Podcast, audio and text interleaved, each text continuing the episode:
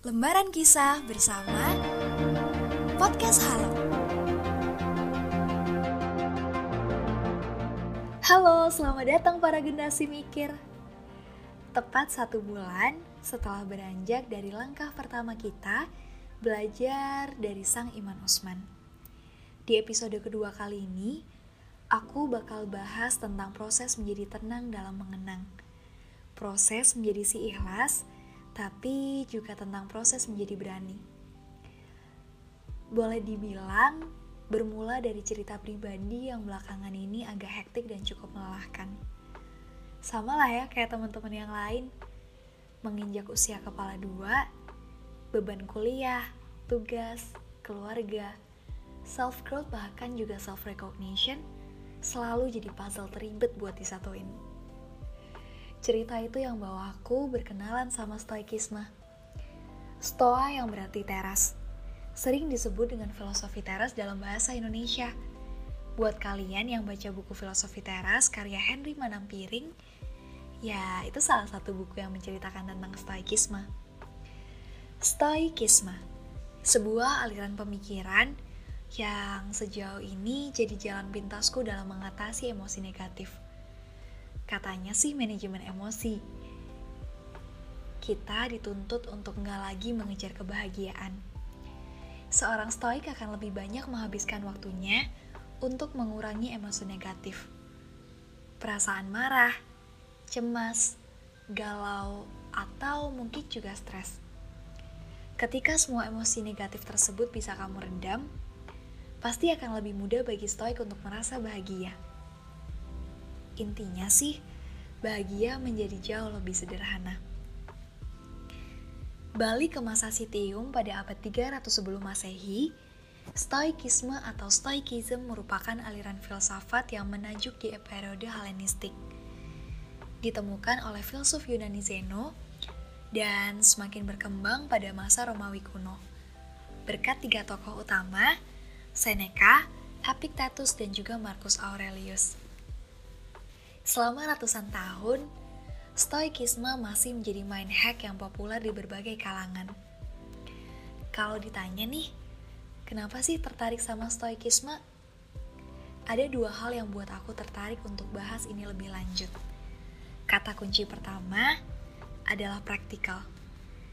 Jauh dari filsafat dengan kesan berat dan mengawang-awang. Makna eksistensi, keberadaan alam semesta atau mungkin hal-hal pusing lainnya nggak aku temukan di sini. Stoikisme yang aku kenal bahkan sangat sederhana. Sesimpel teh manis hangat dengan pemandangan pagi. Sederhana, tapi sirat akan makna. Mempelajari stoikisme mengajarkan aku untuk semakin peduli pada ketenangan hidup, pada kecukupan, kedamaian hati, dan juga pikiran. Bukan lagi tentang kesedihan ataupun penderitaan. Bahasa Jawanya sih nerimo ing pandum. Boleh dibilang kata legowo. Atau buat yang nggak tahu kata legowo, ikhlas deh. Lebih gampangnya, Stoikisme mengajarkan aku untuk menjadi orang yang ikhlas. Dikotomi kendali Prinsip utama seorang stoik dalam memandang hidup, bahwa ada lebih sedikit hal-hal yang bisa kita kendalikan, dan sisanya selalu berada di luar kehendak yang bisa kita kontrol. Sederhananya, seorang stoik sadar betul bahwa menggantungkan kebahagiaan pada hal-hal di luar kendali kita nggak akan bisa membawa kebahagiaan. Karena hanya pikiran dan tindakan diri sendiri yang bisa dikendalikan di luar itu ya nggak akan bisa. Seorang stoik enggan menghabiskan waktu dan energinya untuk peduli bahkan terlarut dalam jebakan hal-hal out of control. Bisa dibilang, hal-hal kayak takdir, kekayaan, karir, reputasi atau bahkan pikiran orang lain bukan menjadi fokus utama untuk seorang stoik. Kalau boleh ngasih contoh sedikit? Contoh dikotomi kendali versi stoik tentang mimpi. Semisal, kamu bercita-cita untuk menjadi mahasiswa lulusan terbaik di universitas, memandang berbagai gelar, memenangi berbagai kejuaraan. Hal pertama yang bisa kamu kendalikan adalah motivasi diri, self-confidence. Rasa kepercayaan diri yang nantinya otomatis akan berdampak besar pada tingkat usaha kita. Secara nggak langsung, kualitas diri, waktu, bahkan juga pikiran akan terotomasi secara nggak sadar terhadap prestasi tersebut. Tapi, bagi seorang stoik, apakah hasilnya akan menjadi lulusan terbaik atau tidak, itu bukan kendali kita. Terlalu banyak faktor X yang nggak bisa kita kontrol. Di sini, konsep usaha nggak pernah mengkhianati hasil, kayaknya nggak selalu selaras buat orang stoik. Karena lagi-lagi, kita hanya bisa memastikan apa yang telah kita lakukan dan pikirkan sudah maksimal untuk mencapai mimpi itu. Semakin kita denial dan mencari pembenaran atas apa yang terjadi, jatuhnya malah akan semakin mengecewakan.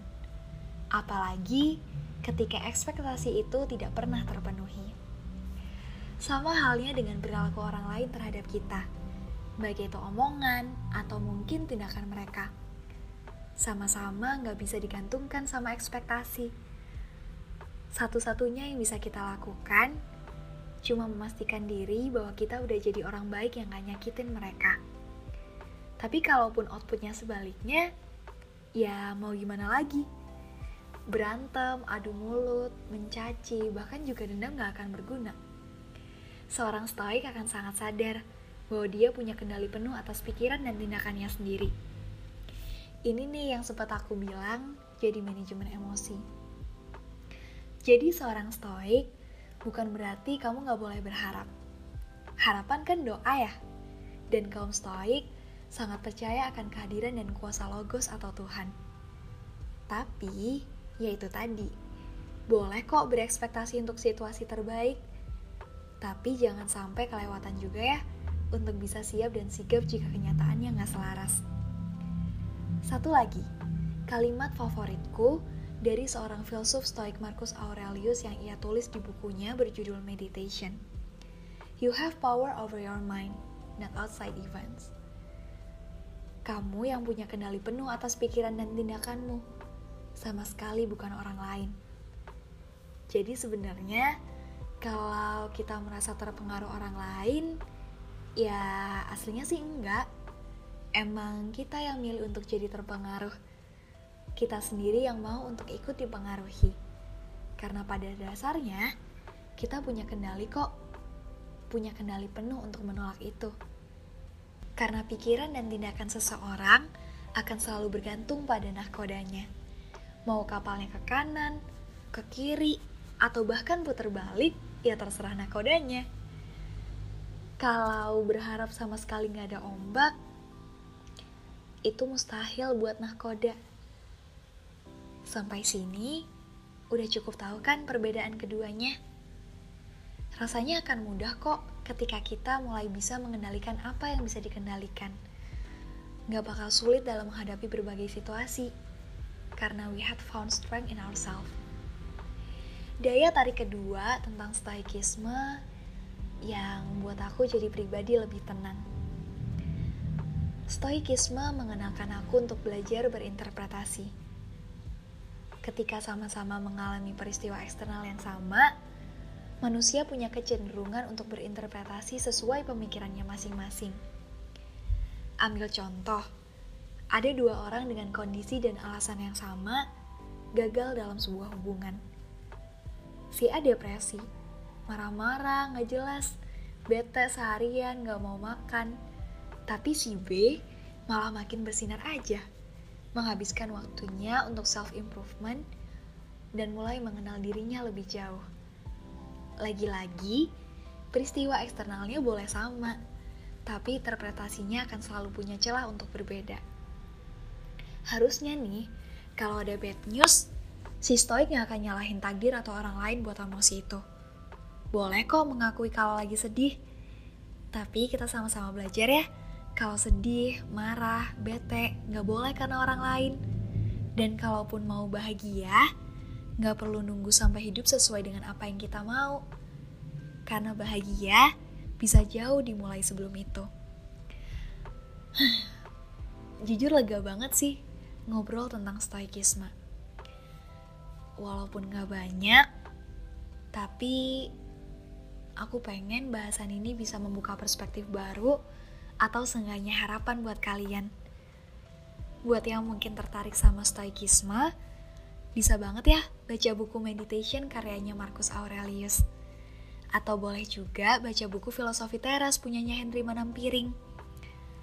Atau kalau kalian gak suka baca, boleh banget kok nonton YouTube-nya Gridmind tentang stoikisme tapi sih kalau semisal bisa, baca aja yuk. Pelan-pelan deh nanti bacanya. Kalau semisal udah, kabarin aku ya.